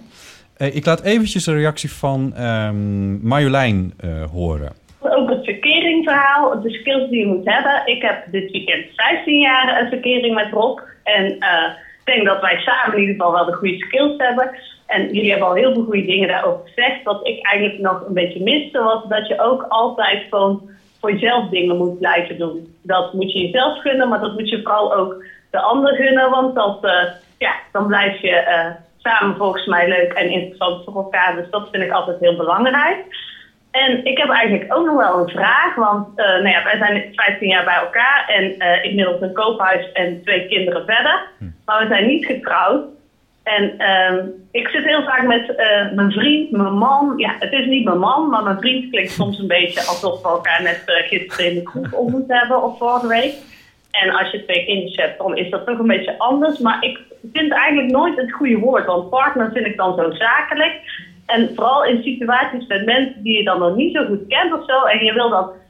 Ja, nou ja, eh, ik kan daar nooit een eh, leuk woord van vinden. En eh, misschien hebben jullie daar wel een idee over, of anders een andere beller. Ja, nou Marjolein, daar hebben we het al een keer over gehad. Want dat is al heel lang geleden in Deel van Amateur. Echt? Want, ja, Paulien zat er ook een beetje mee. Want die heeft ook een partner. Ja. Waar ze, waar ze niet mee is getrouwd. Ja. Eh, maar die wel bijvoorbeeld de man van haar kind is. Ja. Sorry, de vader van haar kind. Ja. Anders wordt het heel ingewikkeld. Ehm, en toen hebben we het er ook met haar... eh, Toen, toen zei zij ook van ja, misschien moet... Want die, zij noemde Chris ook eh, steeds eh, mijn vriend. En Ja. toen zei ze eigenlijk wil ik dat nu wel veranderen in man. Mijn man. Ja. Jij weet hier niks meer Jawel, van. jawel. Oh, ik, oké. nou, ik bedoel, ik zit te denken van... En wat zij... Dat, was het geworden of had ze nog een ander alternatief? Nee, ja, nee, dat was het geworden. Maar toen hoorde ik onlangs in een Eeuw van Amateur opname met haar... dat zij toch weer aan Chris refereerde als mijn vriend. Oh. Dus... eh, Is het dan toch een, is dat dan een graadmeter voor... eh, Nou ja, ja. weet ik niet. Zei ik toen ook al van dat... Dit doet me aan denken dat mijn moeder dus iedereen onder de 70 een jongen noemt. oh, dat is ook een hele leuke jongen, zegt ze dan. En dat is dan, zeg maar, iemand, ja, gewoon die al lang met pensioen is. Oh ja. Maar dat vind, Ja. daar is dat ook moeilijk mee. Want man klinkt dan ook gelijk heel erg mannelijk. Of zo. Of hoe noem jij je, wat vind jij jezelf Ja, eigenlijk? precies. Ja, oh, dat is een goeie. Ja, ik vind het ook heel ingewikkeld om... Ik ben een man, maar ik vind het heel ingewikkeld om, om aan mezelf te...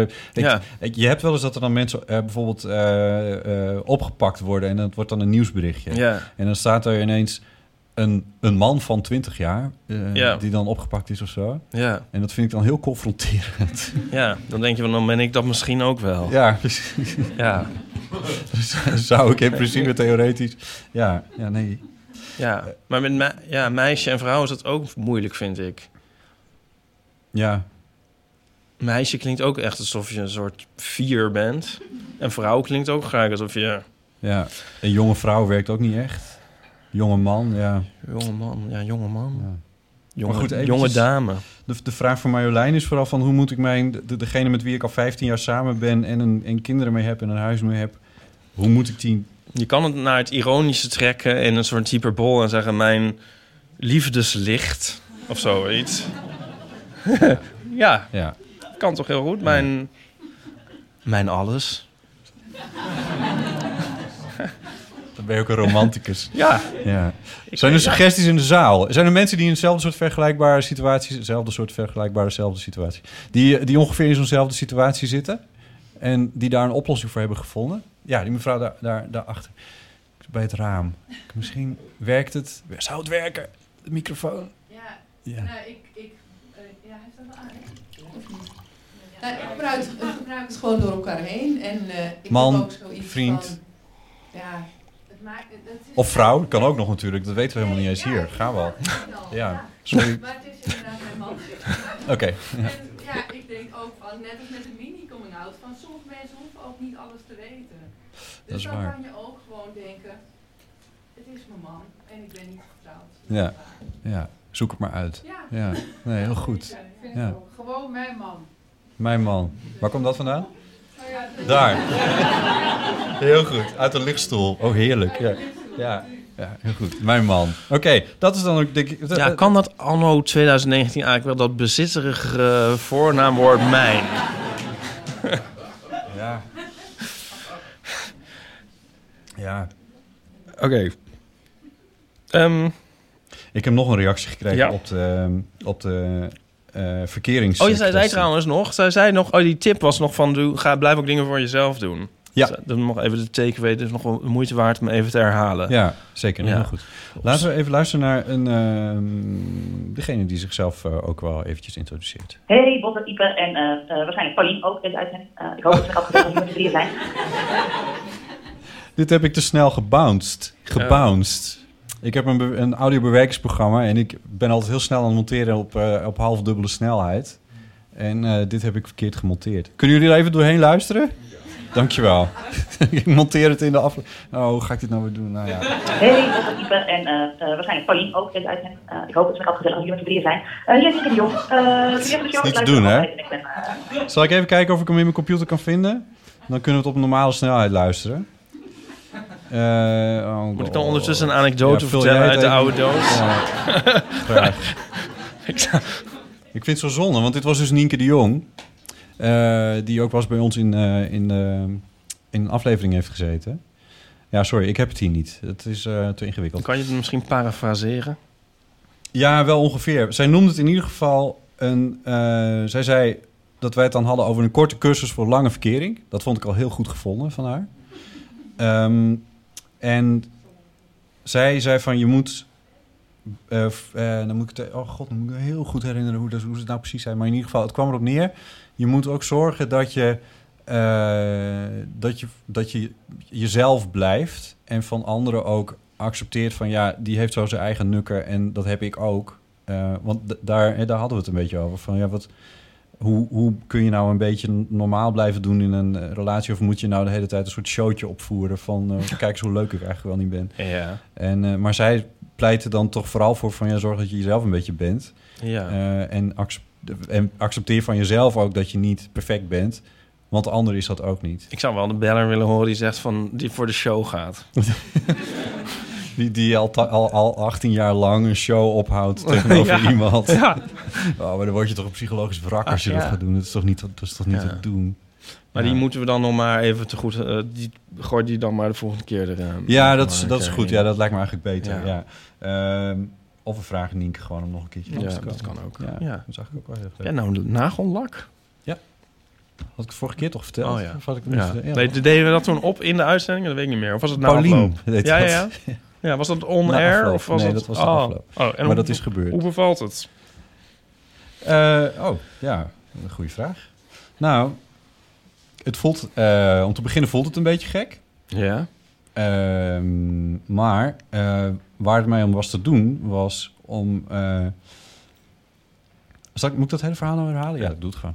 Eh, er was in, eh, in WNL op zondag, dat is een televisieprogramma van, eh, van die omroep. eh, daar, zat, daar zat een eh, een vrouwelijke hoge pief van Defensie.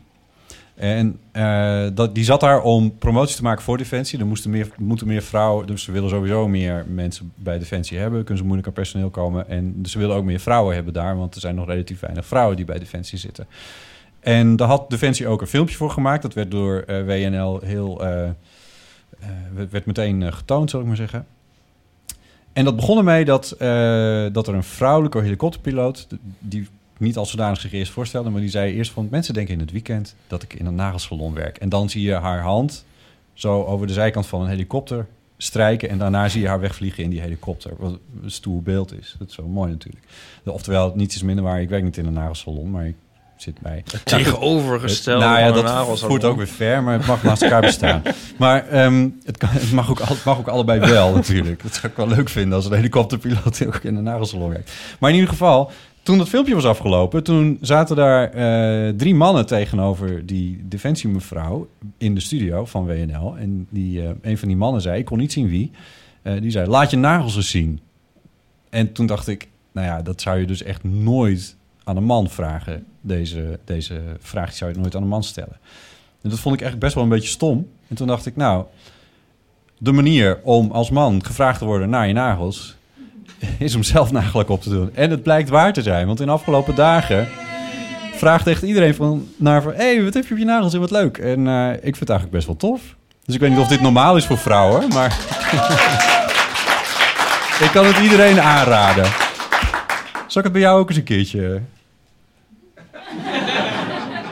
Oh. Nee, maar... En, maar eh, ik zit te denken, maar dat is dan toch meer een aanleiding dan een reden.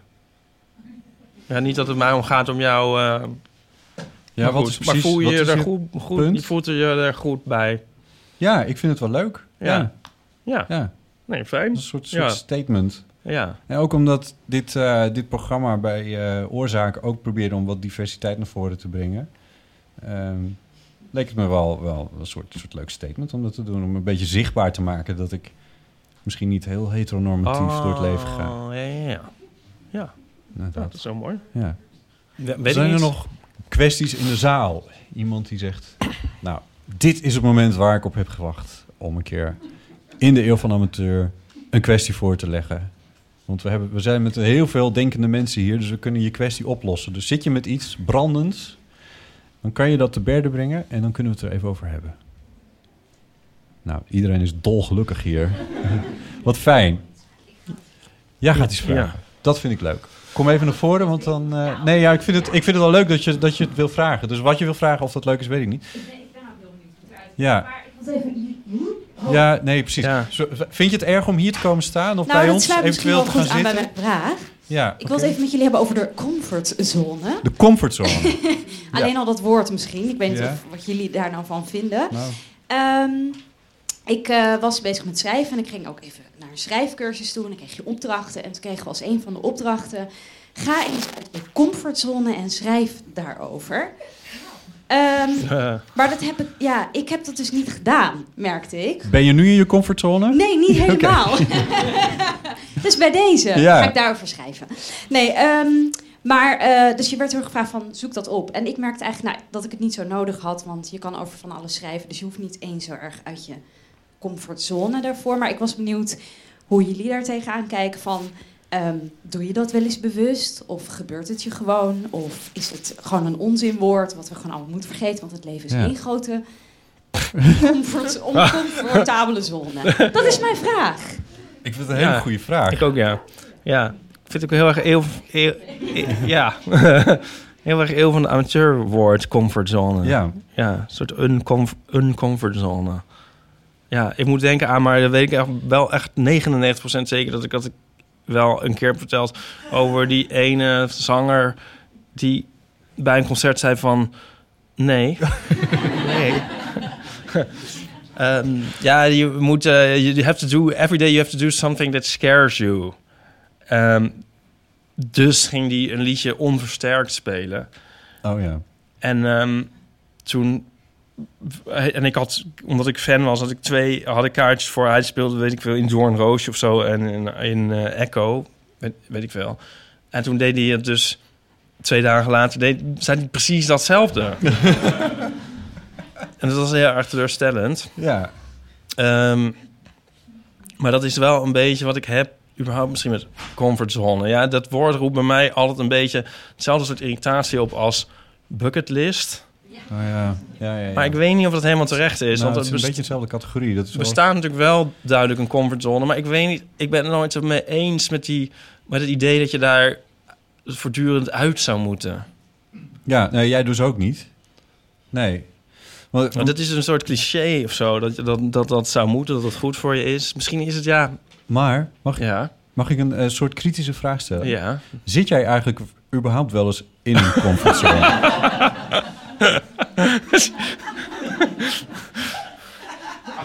Ja. Eh jawel, toch? Ja, wanneer eigenlijk? nou, misschien is het inderdaad wel zo dat ik al zo vaak eruit ben... dat ik dan ook niet denk van... dat het nou eens bewust daar nog eens heel hard overheen gaan... door nu echt iets heel geks te gaan doen. Misschien is dat wel zo. Misschien Ja. is het meer iets voor mensen die door het leven cruisen... Van dat, dat die er dan maar eens af en toe uit moeten. Ik kan inderdaad wel een gang naar de supermarkt... als, als een enorme... uit. ja. ja. Is, is er hier in de zaal iemand die echt eh, ook bewust eh, uit een comfortzone is? Of ja, nou ja, goed, wat het dan ook is, maar is gestapt, die daar een, een directe herinnering of een belevenis heeft, heeft opgezet. Eh, van nu, nu stap ik eens eventjes uit een comfortzone en wat ik nu doe is wel zo ongelooflijk vreemd. Ja, jij. Vertel eens, wat heb je, wat, wat heb je, vertel e- even kort wie je bent en, eh, en wat, wat je hebt gedaan. Ik ben Roosmarie en ehm, ik dacht een tijdje geleden ehm, dat ik mezelf wat meer wilde uitdagen. Dus door uit mijn comfortzone te stappen. En toen dacht ik, wat is het allerengste wat ik kan bedenken? Toen dacht ik, improvisatietheater. Dus toen ben ik dat gaan doen. En ehm, ja, dat was ook heel spannend en heel eng, maar het heeft me ook weer heel erg geholpen. Is dat theatersport bijvoorbeeld? Ja. Moet ik denken? Oké. Ja. Maar en zijn dan nu, is dan zeg maar nu dat een soort niet meer eng en is er nu iets nieuws op eng gekomen? Of is dan alles minder eng geworden? Ehm, nee, het is nog steeds elke keer, want het, is een, het zijn cursussen, Ja. dus elke keer weer een beetje spannend. Ja. Maar vooral meer dagelijkse situaties zijn daardoor minder Ah ja. eng of minder spannend geworden. Ja, en waarom? Weet je ook waarom? Mm, omdat je daar, en dat heeft dan weer heel erg met de inhoud te maken, maar vooral leert dat het allemaal niet zoveel uitmaakt wat je zegt of wat je doet. En ehm, In- als je maar in... In het theater bedoel je dan? Maar ook ja, in het maar echte ook leven? in gewone sociale situaties. Maar dat is misschien niet... heel- Is dat echt zo? Ik bedoel, ja. Nou. Tegenover een buschauffeur. Eh, ja, er zijn natuurlijk wel. Heb je iets meegemaakt grenzen. waardoor je dacht van... Oh, hier heb ik iets aan gehad bij mijn theatersport. Nou, misschien op feestjes waar, je niet zoveel, waar ik niet zoveel mensen kende, dat dan.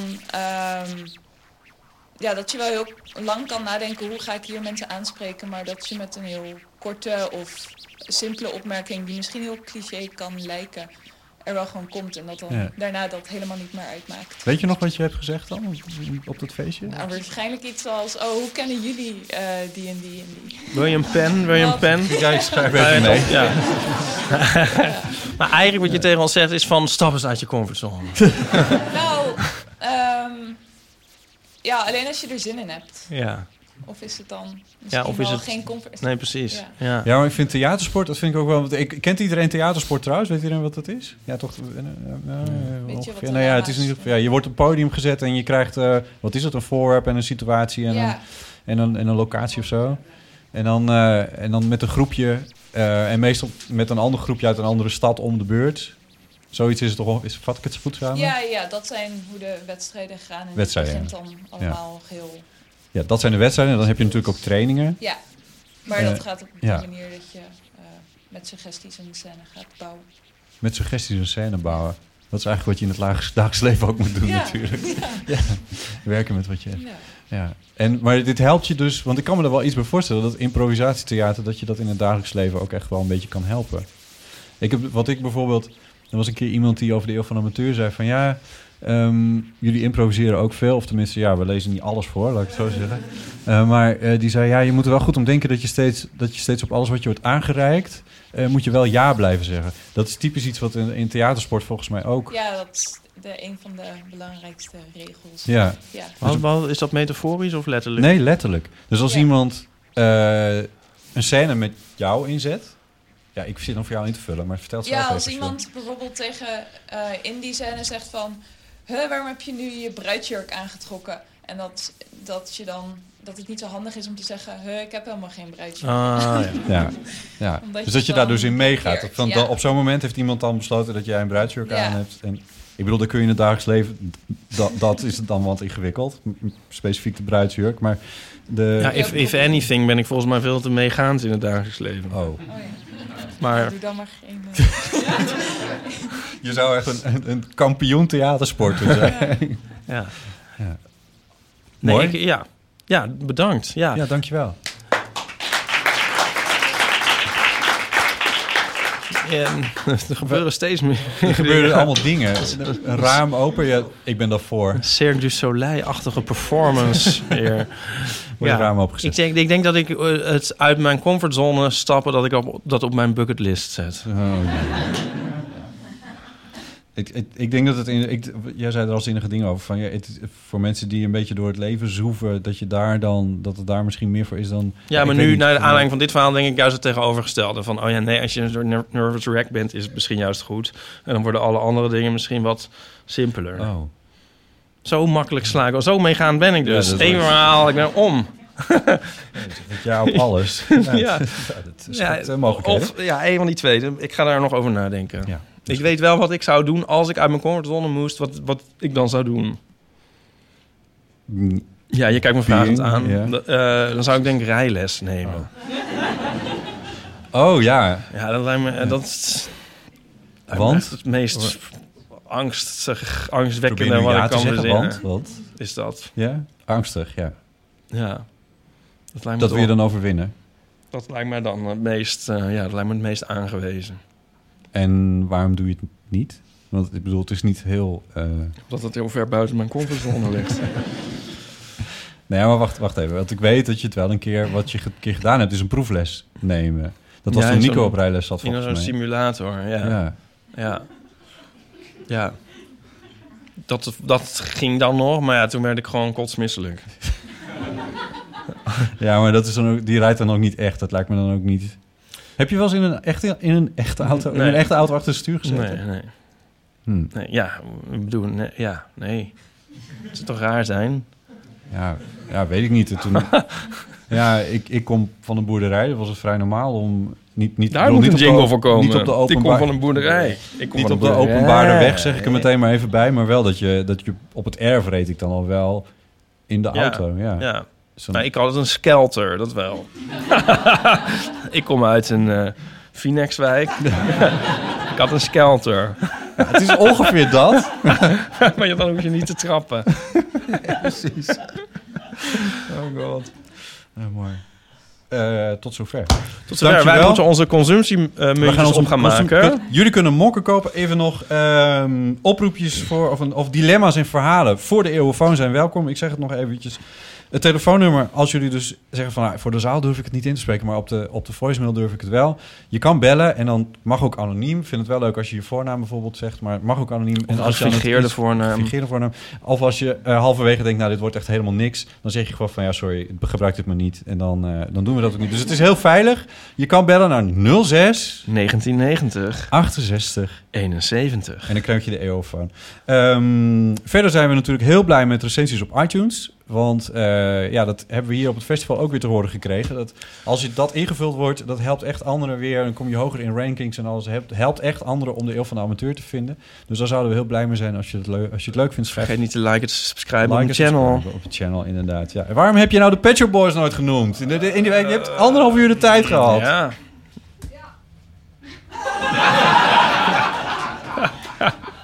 Dat is niet te geloven? Ja, dit telt toch niet? Oké. Oké, goed. Ik wil... eh, Ik, ik ben een autonoom wezen. Ik ben niet een soort, soort trekpop. Nee. Nee, je bent helemaal niet meegaand. Dat, is, dat is klopt, ja. Ehm Ipatrice, dankjewel dat je was. Ja, en- ondanks je fysieke gesteldheid en eh alle ellende die daar weer Alle mensen die ook gekomen zijn, vooral heel Iedereen erg hier heel erg bedankt. bedankt. Met name eventjes JP en Linda, die eh, voor ons nog wat fragmentjes hebben ingesproken. Dank daarvoor. Eh, Nico Naus hier natuurlijk, dank voor de assistentie. Eh Lieven Heremans, die het hier heeft geprogrammeerd, de hele, eh, gisteren en vandaag ook al. En bovendien de technische, samen met wat, het podcastnetwerk. En, en Anne, maar nou is die weg. Anne Janssens van Dag en Nacht Media, Dag en Nacht Media in het algemeen. Die trouwens volgens mij ook nog met een leuk nieuwtje kwamen. Namelijk dat de Dik voor elkaar show opnieuw als podcast wordt uitgegeven. En dat er nieuwe afleveringen komen. Ik kan mijn geluk niet op. Dat, is, toch, dat is toch ontzettend grappig. Ehm, en, dus, eh, en met name ook jullie aanwezigen hier. Hartelijk dank en tot de volgende keer.